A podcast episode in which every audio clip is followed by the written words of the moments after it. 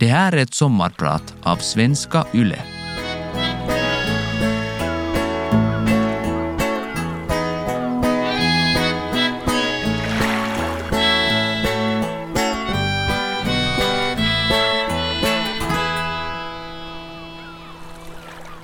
När jag berättade för min klasskompis i Teaterhögskolan att jag skulle sommarprata och att jag var nervös inför att prata om mig själv under en så lång tid och samtidigt försöka göra det intressant sa han Ja men det är lugnt. När du om tio år ska spela in ditt nästa sommarprat har du material. Du kan prata om hur misslyckat ditt första sommarprat var. Tack för stödet Adam.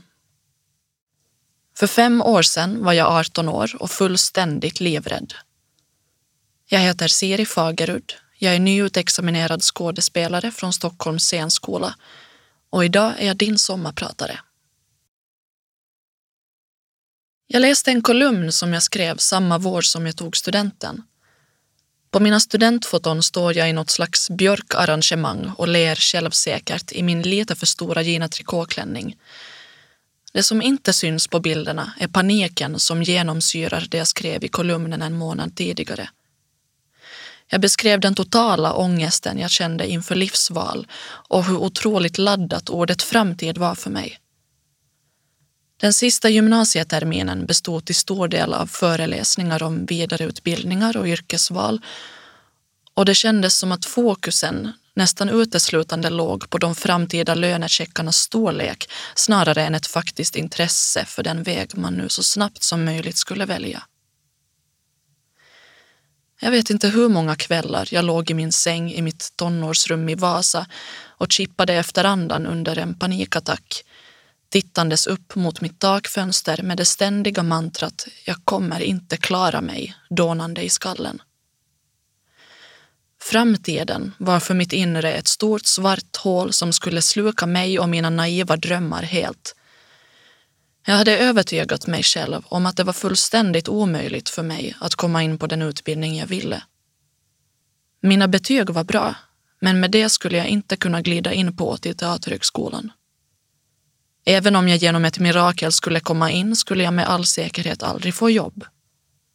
Och att klara halkbanan för att ta körkortet kunde jag nog också glömma.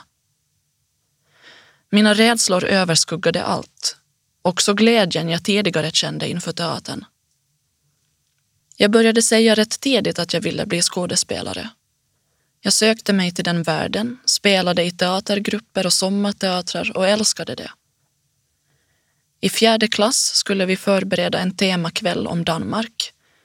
Jag blev intresserad av sagoberättaren H.C. Andersen och bestämde mig med lärarens tillåtelse för att istället för mitt föredrag om Odense framföra en monolog baserad på sagan om Dummejöns.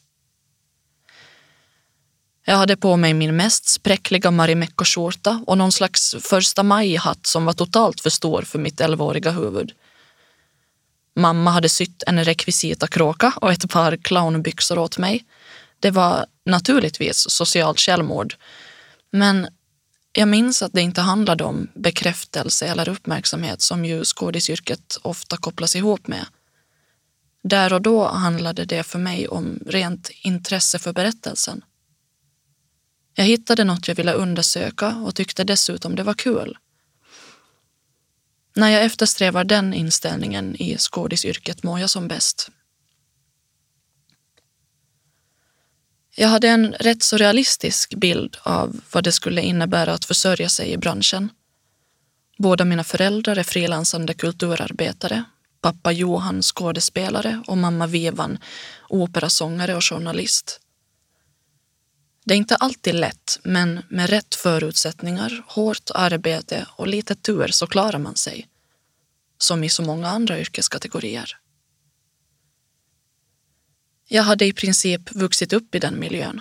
Sprungit runt i Vasa Teaters korridorer som fyraåring, fått följa med pappa bakom scen och sen känt en otrolig stolthet som barn då jag satt i en av de röda stolarna i salongen på premiärer.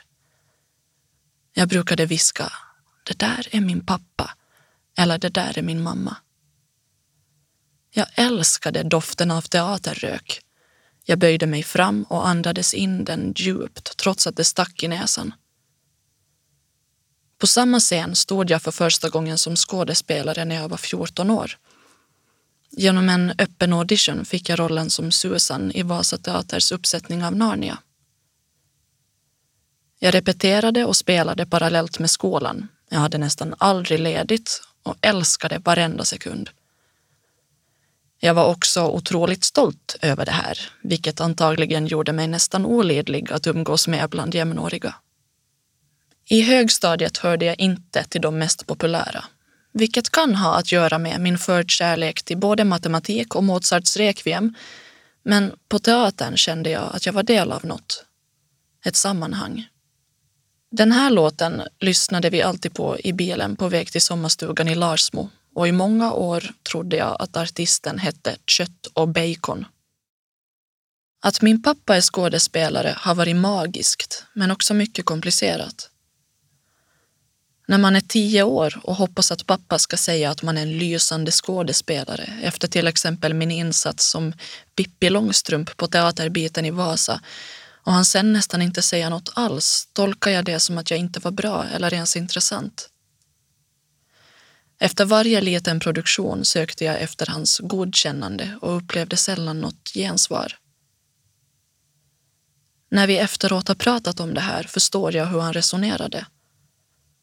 Att han inte ville styra mig eller blåsa upp mina förväntningar. Att jag skulle välja själv.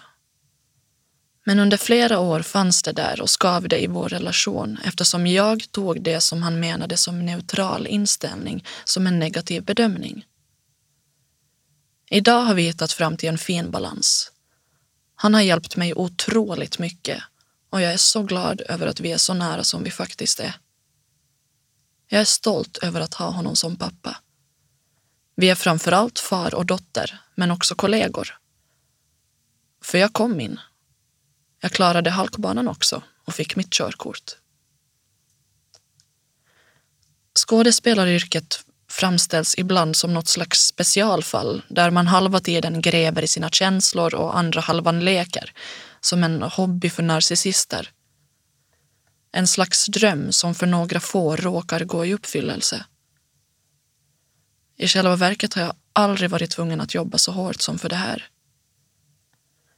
Det är ett mycket tekniskt yrke som kombineras med fantasi och lek. Det krävs otroligt noggrant förarbete, textanalys, fysisk träning som möjliggör den fria leken. Nu är jag precis på väg in i arbetslivet. I sommar spelar jag in en tv-serie och i höst står jag på Uppsala stadsteaters scen. Det är otroligt spännande. Shit vad jag har längtat. Jag måste medge att jag är lite rädd också. Rädd att förlora mig själv i ett tänkande där man konstant jämför sig med andra. Andras framgång, andras karriärer, andras relationer, andras utseende. Jag har svårt att formulera mig utan att låta som en carpe diem väggbonad, men jag tror att det jag försöker säga är att det är jättesvårt att se sig själv utifrån. Hur mycket man har jobbat och hur långt man kommit utifrån ett första steg. Det känns så fruktansvärt banalt att sitta och prata om mina skådespelaraspirationer då det var två år sedan min 11-åriga granne dog i terrorattentatet på Drottninggatan. Jag fäktar och famlar runt mig efter något greppbart, något som spelar roll. Jag är svinrädd för att tappa fotfästet, få ett skevt perspektiv på världen, att aldrig vara nöjd att missta min egen omättlighet för ambition.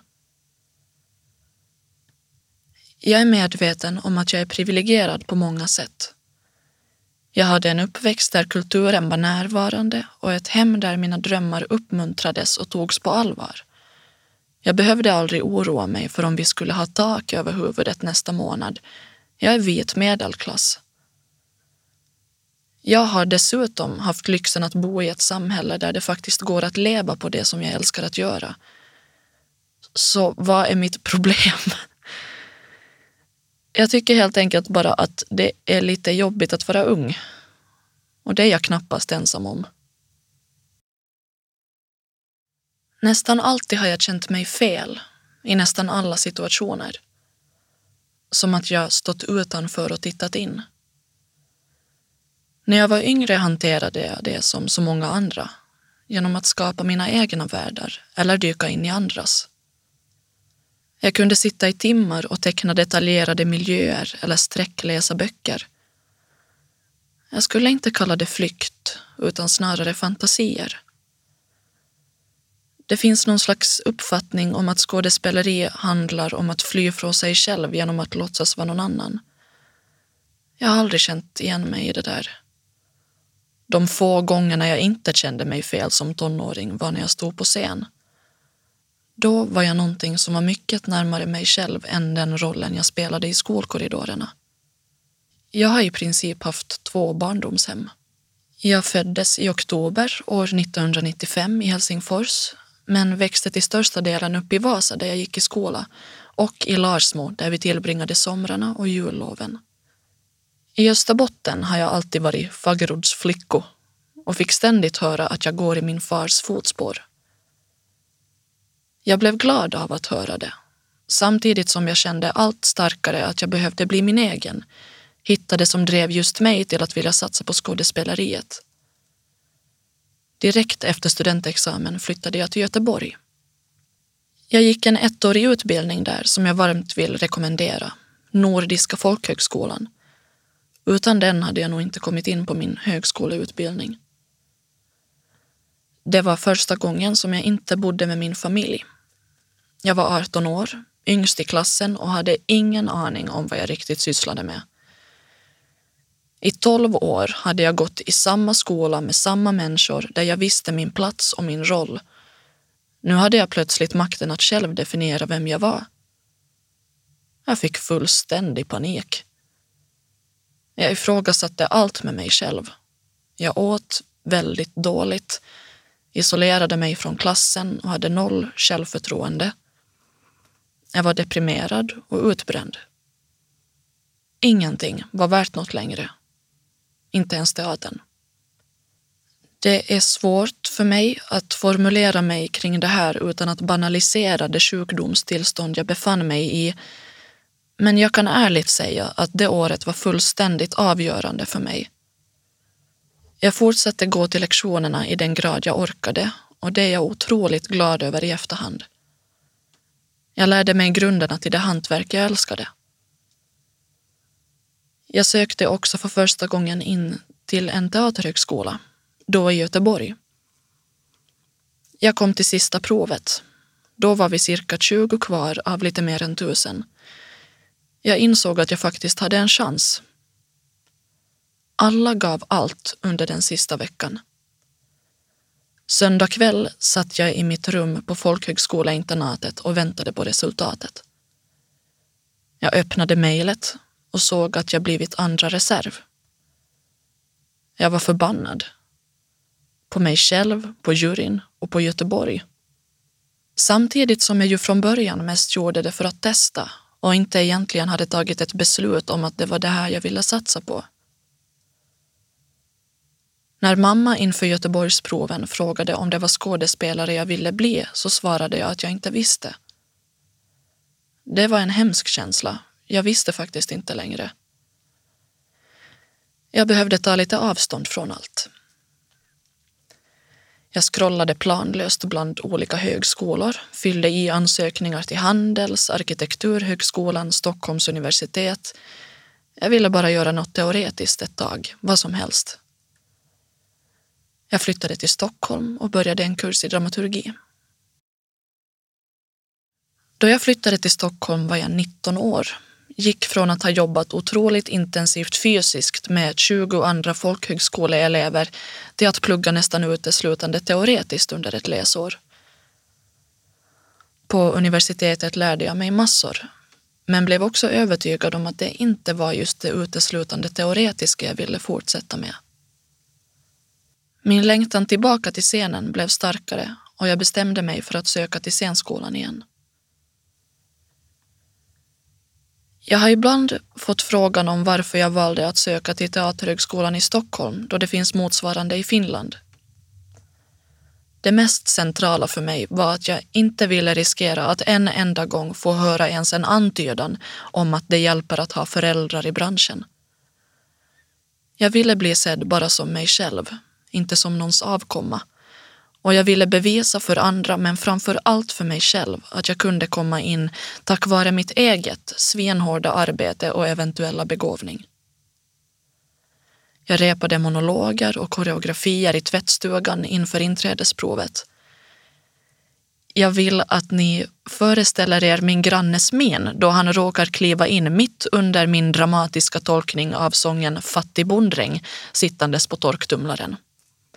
Jag flyttade ut rätt snabbt. Det året sökte cirka 1200 personer till programmet för skådespeleri vid Stockholms dramatiska högskola. Då jag fick beskedet att jag var en av de tolv som kommit in hade jag svårt att tro att det var sant. Jag var så fruktansvärt glad och lättad. Samtidigt som jag visste att det är nu som det riktiga arbetet börjar. När man går en treårig utbildning som till största delen handlar om att man ska utforska sin talang, hitta sig själv och bli medveten om sina styrkor är det lätt att ganska snart börja känna sig smått egocentrisk. Om jag inte hade sommarjobbat mellan terminerna hade jag nog blivit helt knäpp. Det var hälsosamt för mig att gå från min scenskolebubbla till att skrubba toaletter och sortera psalmböcker som kyrkvaktmästare på Djurgården.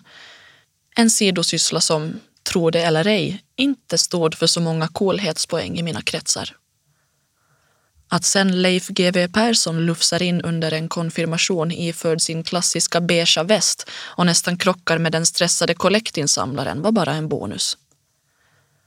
Att torka upp någons diarré från stengolvet vid sidoskeppets ingång var en bra kontrast efter att ha gått på Guldbaggegalan. Jag var 20 år då jag kom in och har ofta fått höra att det är väldigt ungt. Med österbottniska mått mätt var det inbillade jag mig, rätt sent att bli antagen till sin drömutbildning vid den åldern. Vilket kanske låter sjukt, men det kändes som att mina gymnasievänner redan hade både fast anställning och köpt tomt med sina killar och pensionssparade. Jag hade haft framtidsnoja sedan jag var 13 och klassläraren började prata om tillvalsämnen. Ordet framtid kändes då snarare paralyserande än hoppingivande. Eller då jag som 18-åring stod på min egen studentexamensfest och febrilt försökte komma på hur jag på smidigaste sätt skulle undvika fler frågor om vad jag tänkt mig sen till hösten.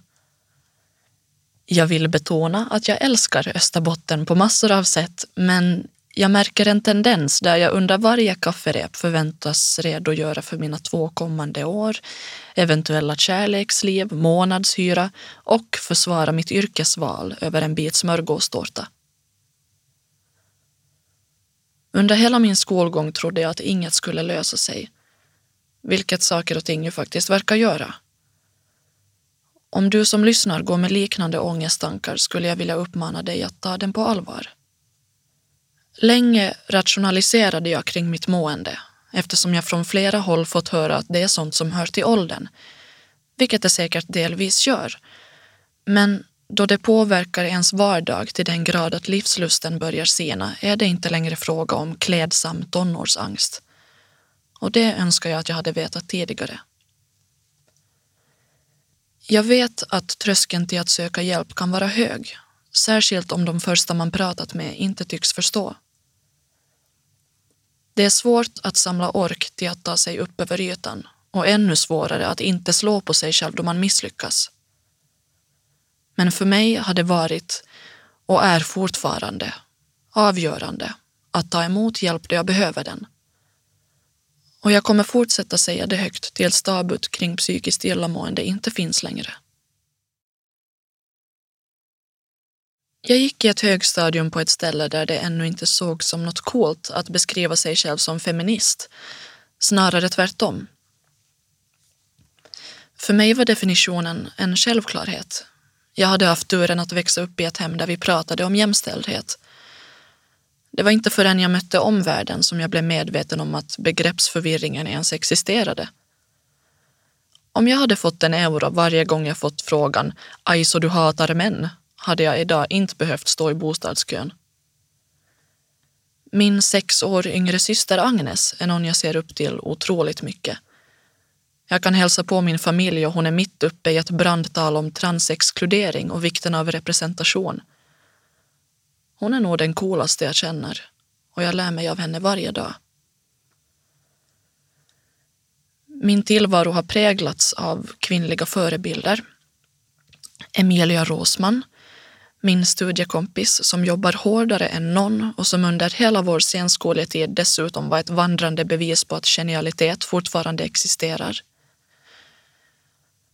Angelina Hammarlund som jag träffade på universitetet som är den knäppaste och mest intelligenta 28-åringen jag känner. Sandra Bernas, min modersmålslärare i högstadiet som trodde på mig och därför krävde saker av mig. Stina Ekblad, min professionella hjälte och en av teatervärldens största.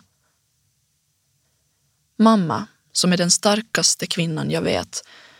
Hon lärde mig vikten av vänlighet samtidigt som hennes karriär blivit ett slags feministiskt segertåg i en patriarkal värld. Min gammelfaster Vega, som är kvickast i Jakobstad och får en fleecetröja att se parisiskt stilig ut. Större hjärta får man leta efter. När metoo började få uppmärksamhet gick jag andra året på Teaterhögskolan. Jag befann mig mitt i smeten och tog del av tystnadtagning på nära håll.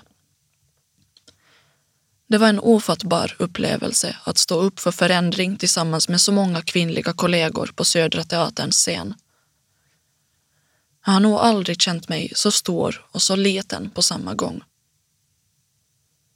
För mig var det totalt surrealistiskt att plötsligt vara så nära brännpunkten, ta del av alla vittnesmål, vara med om en så tydlig brytningspunkt. Samtidigt som det dagligen blir tydligt att vi har en väldigt lång väg kvar.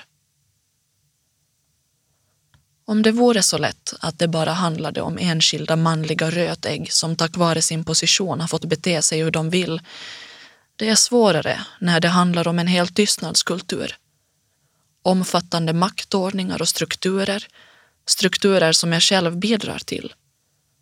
Villkoren jag går med på, skämten jag skrattar åt, sättet jag talar om kvinnliga kollegor på. Det är lätt att säga jag står för systraskapet och sen stå och snacka skit om sin motspelare. Jag ser det hela tiden, framförallt hos mig själv, trots att jag har svårt att erkänna det. Det är en tid för självrannsakan och jag hoppas och tror att det inte stannar vid tomma ord. Nu har vi blivit för högljudda för att ignoreras. Just på den här tematiken byggde jag min monologföreställning som jag skrev förra sommaren om en ung kvinnas vilja att bli sedd, inte bara tittad på. Det forum som de flesta känner till mig från är nog Instagram. Jag har ingen enorm profil och tjänar heller inget på den. Det är helt enkelt något jag gillar att hålla på med. Jag får utlopp för något. Det är en väldigt liten del av det jag annars gör. Det har blivit som en hobby. Mitt eget kreativa rum där jag testar sketchmaterial och är min egen producent och regissör. Att jag till min stora förvåning också har följare som är aktiva och engagerade är en enorm bonus. Det var jag överhuvudtaget inte beredd på då jag började och det var inte heller någon slags plan. Jag lägger upp det jag själv tycker är kul eller viktigt och så länge det inte tippar över till att jag publicerar något främst för någon annans bifall så tänker jag fortsätta. Jag har vuxit upp med många humorserier, bland annat Reuter och skog, Kvarteret Skatan och The Office, bara för att nämna några. På sommarstugan i Larsmo har vi en hel byrålåda med dvd-boxar som regelbundet plockas fram. De polska konstfilmerna är mindre slitna. Och Dr Who-säsongerna från min och min systers korta men intensiva nördperiod låtsas vi inte om. Men antalet gånger hela familjen suttit och kiknat av skratt framför tvn till humorgenierna i Smack the Pony är stort. Eftersom jag matats med så många komiker som råkat vara kvinnor är det först på senare år som jag insett att det finns de som sätter dem i ett eget fack, kvinnliga komiker. Och att det tydligen är en otroligt viktig distinktion. Det är andra spelregler som gäller. Andra villkor som ställs.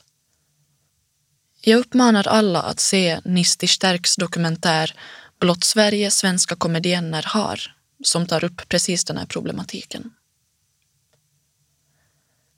I nuläget har jag inte kunnat lägga så mycket tid på humorkontot som jag hade velat.